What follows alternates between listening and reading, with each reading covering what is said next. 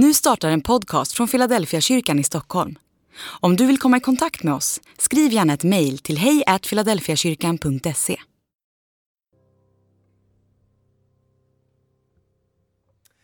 Eh, om jag ser tillbaka på mitt liv och min resa med Jesus, min resa i den kristna tron, så inser jag att någonting av det som har påverkat mig allra, allra mest, som har fått mig att liksom längta efter att vandra med Gud och tro på honom och lita på honom, det har varit andra människors berättelse om vad de har upplevt, vad de har varit med om, vad de har sett, vad de har uppfattat om Gud. Till exempel så kommer jag ihåg när min syster var 11 år gammal och hon kom hem och vi satt vid middagsbordet och hon började prata liksom om Gud på ett sätt som kändes väldigt liksom naturligt och enkelt och självklart. Och jag minns att jag lyssnade på henne och så tänkte jag, men hon verkar liksom ha fått tag på någonting av vem Gud är. Eller hon verkar ha förstått någonting eller uppfattat någonting som jag inte har uppfattat. Och jag minns att det där väckte någon sorts längtan i mig att jag ska också börja be och jag ska börja lyssna efter Gud. Jag var väldigt liten då, men jag minns att den där längtan började växa fram i mig när jag såg att min syster hade varit med om någonting och hon berättade om det. Jag kommer också ihåg tillbaka i min liksom uppväxt hur vissa ledare i olika perioder av mitt liv har berättat om vad Gud har gjort, eh, vad Jesus har fått betyda, vad den heliga ande har gjort i deras liv. Och så har det där liksom lockat fram min längtan att gå lite längre, gå ett steg till, gå lite djupare med Gud. Eller när vänner bara har dykt upp helt plötsligt, både långt tillbaka men också nu i nutid i församlingen där jag jobbar i Tyresö och berättat om kanske ett bönesvar eller hur de har bett för någonting eller bett för en viss situation och de har märkt att ja, men Gud han klev in och han la pusslet på plats. Då har jag också märkt att men min tro på bönen har liksom väckts upp och blommat ut och liksom kommit fram. Det jag bara inser när jag ser tillbaka på mitt liv det är att berättelser från andra människor har verkligen spelat stor roll i att forma min tro, väcka min tro och att få den att liksom växa några steg till.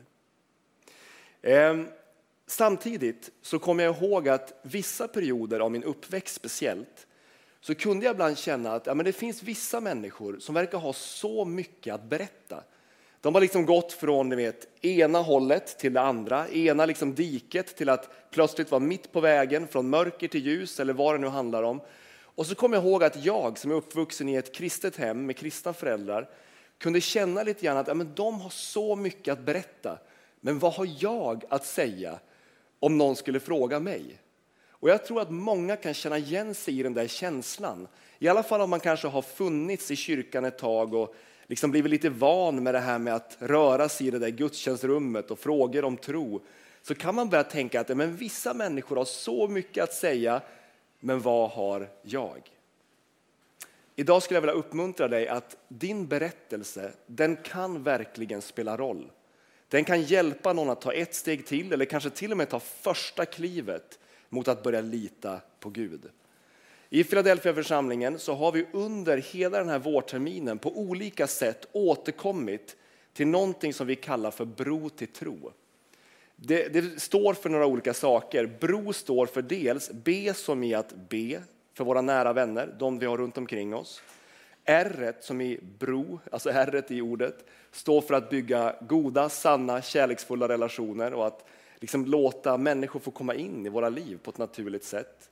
Och O som jag ska snacka om idag, det handlar om att dela ord eh, om vad tron har fått betyda och vad tron har gjort i mitt liv och i ditt liv. Alltså vad säger man för någonting när någon kommer och ställer frågan vad tror du på? Varför tror du? Varför går du i kyrkan? Vad säger man då? Många kan tänka att jag har ingenting att säga, men jag tror att vi alla har någonting att säga. Det finns ett ordpar som återkommer vid några tillfällen när man läser igenom Nya Testamentet. Och jag ska bara läsa tre stycken korta bibelsammanhang nu där det här ordparet kommer tillbaka. Ett ordpar som jag tänker mig hjälper oss lite grann när vi ska fundera på vad man kan berätta, vad man kan dela med sig av. Vi ska först läsa i Apostlagärningarna kapitel 4 och vers 18 till 20. Där står det så här. De kallade in dem och sa åt dem att aldrig tala eller undervisa i Jesu namn. Men Petrus och Johannes svarade dem, tänk efter själva om det är rätt inför Gud att lyda er mer än honom. Och så kommer det, vi kan inte tiga med vad vi har sett och vad vi har hört. Och så läser vi från Apostlagärningarna kapitel 22 och vers 15. Där står det om aposteln Paulus att du ska bli hans vittne, alltså Jesu vittne, någon som berättar om Jesus och berätta för alla människor vad du har sett och hört. Och så hoppar vi fram lite grann ifrån Apostlagärningarna och kommer fram emot första Johannesbrevet kapitel 1 och vers 1. Där säger eh, aposteln, lärjungen Johannes så här. Det som var till från begynnelsen, det vi har hört, det vi har sett med egna ögon, det, har vi, det vi har skådat och tagit på med våra händer, det är vårt ärende, livets ord. Vad är det alltså som återkommer gång på gång? Och det finns fler tillfällen, det här är liksom ett axplock.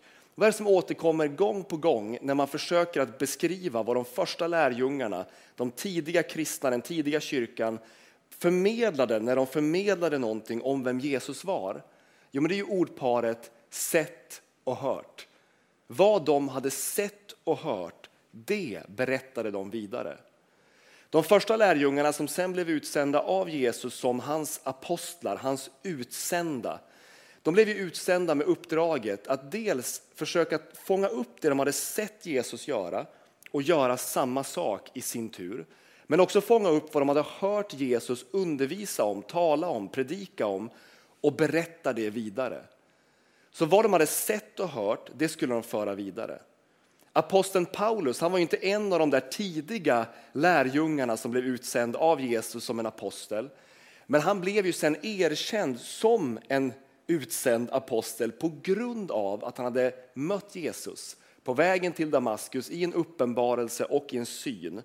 Och han säger sen, om man läser ett av hans brev till församlingen i Filippi, då säger han i Filipperbrevet kapitel 4 och vers 9 så här. Han säger till församlingen i Filippi, vad ni har lärt och tagit emot, hört och sett hos mig, det ska ni göra. Då ska fridens Gud vara med er. Alltså vad, vad de hade sett och hört, vad de hade tagit emot i sin tur, det säger Paulus, för det vidare och vidare och vidare in i nästa generation, in i nästa generation och in i nästa generation. Han skickar samma uppdrag vidare. Vad har ni sett och vad har ni hört? Ge det i er tur vidare. Och jag tror som jag sa nyss att även om vi i vår tid ibland kanske, det inte, gäller inte för alla, men en del av oss kan ibland tvivla på vår story. Ja, men har jag någonting att säga? Men då ska vi lyssna igen på Paulus ord, det du har sett och det du har hört. Ta det ett steg till. Låt någon få höra det, det kan hjälpa någon. För det första, vad har du alltså sett? Jag tänker mig att det där att se någonting, det handlar om att man har dels upplevt någonting. Alltså man har upplevt någonting av vad Gud har gjort i ens liv. Kanske Gud har klivit in med ett bönesvar. Kanske Gud har klivit in och förvandlat någonting i din livs, livssituation. Kanske Gud mötte dig när du var på väg åt helt fel håll och så fick han tag på dig och visade dig sin kärlek. Alltså vad har du sett, vad har du upplevt att han har gjort i dig, genom dig? Men jag tänker att det där med att vad vi har sett, det handlar inte bara om vad vi vid något eller enstaka tillfällen har upplevt. Jag tänker också att det handlar om vad vi har erfarit under ett långt liv. Jag lyssnade vid ett tillfälle på ett samtal där Joel Halldorf satt i ett samtal. Joel Halldorf han är en eh, kristen, han är en teolog, han är kyrkohistoriker, han är skribent och han satt i någon form av samtal, jag minns inte exakt vilket det var, men han satt och pratade med någon person och så snackade de om just det där med upplevelser och vad man har sett genom livet och så. Och då sa han att i frikyrkan så har vi ibland kanske betonat det här med enstaka upplevelser väldigt, väldigt mycket. Alltså vi har betonat de där stora färgsprakande berättelserna att någon har gått från död till liv, någon har verkligen förvandlats tydligt och klart. Och så har vi betonat det väldigt mycket. Och det sa han, det är fantastiska berättelser. Vi ska inte sluta betona dem och våga berätta om dem och lyfta fram dem. Det är ju otroligt när Gud gör något i en människas liv. Men, sa han, ibland kanske vi har betonat upplevelsen så mycket så vi har glömt bort erfarenheten. Alltså vad är det Gud under ett långt liv har format i dig? Vad har han liksom låtit få växa fram i ditt, din tro, i ditt liv under flera år? Det kan vara så att någon sitter och är med i den här gudstjänsten nu och inser att men jag har ju faktiskt gått i söndagsskola från att jag var liten och sen har jag fortsatt vara med i gudstjänstliv och fortsatt vara med i församlingsliv. Och någonting har liksom vuxit sakta fram av en tillit och en djupt rotad tro på Jesus genom det där. Det kanske inte är en så jättetydlig smäll någonstans, men någonting har liksom av erfarenhet bara vuxit fram. Jag kan lita på Jesus fullt ut. Någon kanske inser att men jag har faktiskt bett aftonbön ända sedan jag var väldigt liten. Eh, jag drog täcket över huvudet och bad en liten aftonbön och det har jag fortsatt med liksom under alla, alla år. Och någonting har det där gjort med mig. Det har gjort något med mitt liv, med min tro, eh, med min tillit till Gud. Någon har bara liksom vandrat genom livet och när man ser tillbaka på livet så inser man att ja, men det där måste ha varit Gud. Du kanske inte såg det där och då, du kanske inte fattade att det var det där och då, men när du ser tillbaka så inser du ja, men det var ju Gud som var med mig. Alltså hänger ni med? Erfarenheten har liksom på något sätt formats fram i dig att du kan lita på Jesus. Du kan lita på honom, du kan luta dig mot honom. Och jag tänker mig att man ska lite grann våga se tillbaka på det där och inte enbart tänka att jag har inte den här storslagna upplevelsen. En del har det, men en del kanske inte har det på det sättet, det här storslagna fyrverkeriet. Men du kan se tillbaka på ditt liv och tänka, vad har jag erfarit? Vad har Gud sakta, sakta, sakta gjort i mig? Som gör att jag är här idag, att jag ber fortfarande, att jag fortsätter sätta mitt hopp till Gud. Vad är det du har sett? Fundera på den lite grann. Den andra frågan du ska fundera på det är ju den där andra. Vad är det du har hört? Om vad du har sett handlar om vad du har upplevt och erfarit under ditt liv, då, då tänker jag att vad du har hört, det handlar mer om vad du faktiskt har snappat upp av liksom undervisning, av förkunnelse, av vittnesbörd, av berättelser, bibeltexter eller vad, vad har du snappat upp som har fastnat här inne och som har format en god gudsbild i dig. Vad har du hört för någonting som har satt sig i hjärtat på just dig? I Filipperbrevet, om vi bara går tillbaka dit igen, texten vi nyss läste i kapitel 4, vers 9, så sa ju Paulus först så här. Vad ni har lärt och tagit emot vad ni har hört och sett hos mig, det ska ni göra. Då ska fridens Gud vara med er. Alltså vad ni har lärt och tagit emot. Vad ni har snappat upp och tagit in, vad ni har låtit få rotas i era liv. Jag kan ibland möta kristna människor som känner så här att jag har väl inte hört någonting som är värt att föra vidare på det sättet. Alltså jag har inte pluggat bibelskola, eller jag har inte pluggat teologi, eller jag har inte varit med i kyrkan tillräckligt länge. Jag har ju bara varit med i ett år eller två år. Jag, jag har väl inte koll på det där. Men jag tycker det fina med Nya testamentets författare, det verkar vara att de på något sätt uppmuntrar till att alla bär på någonting, alla har tagit emot någonting. Om man liksom har öppnat sitt liv för Gud och, och, på något sätt sagt välkommen in, då bär man på någonting som man har hört och tagit emot som kan vara värt att sägas, förkunnas. När Petrus, en av Jesu nära lärjungar, skriver i första Petrusbrevet kapitel 2, vers 9, så säger han så här till en hel församling. Ni är ett utvalt släkte. Ni är kungar och präster, ett heligt folk, Guds eget folk som ska förkunna hans storverk. Alltså han säger inte det bara till någon predikant, eller någon bibellärare eller någon viss ledare. Han säger till hela församlingen, ni ska förkunna hans storverk. Ni ska förkunna det ni har förstått att han har gjort genom historien. Det han har gjort in i den här världen, förkunna det. Det betyder inte att alla människor ska ställa sig och predika en söndag förmiddag liksom i någon gudstjänst. En del och kanske många ska kunna göra det och kan göra det. Men alla ska inte göra det.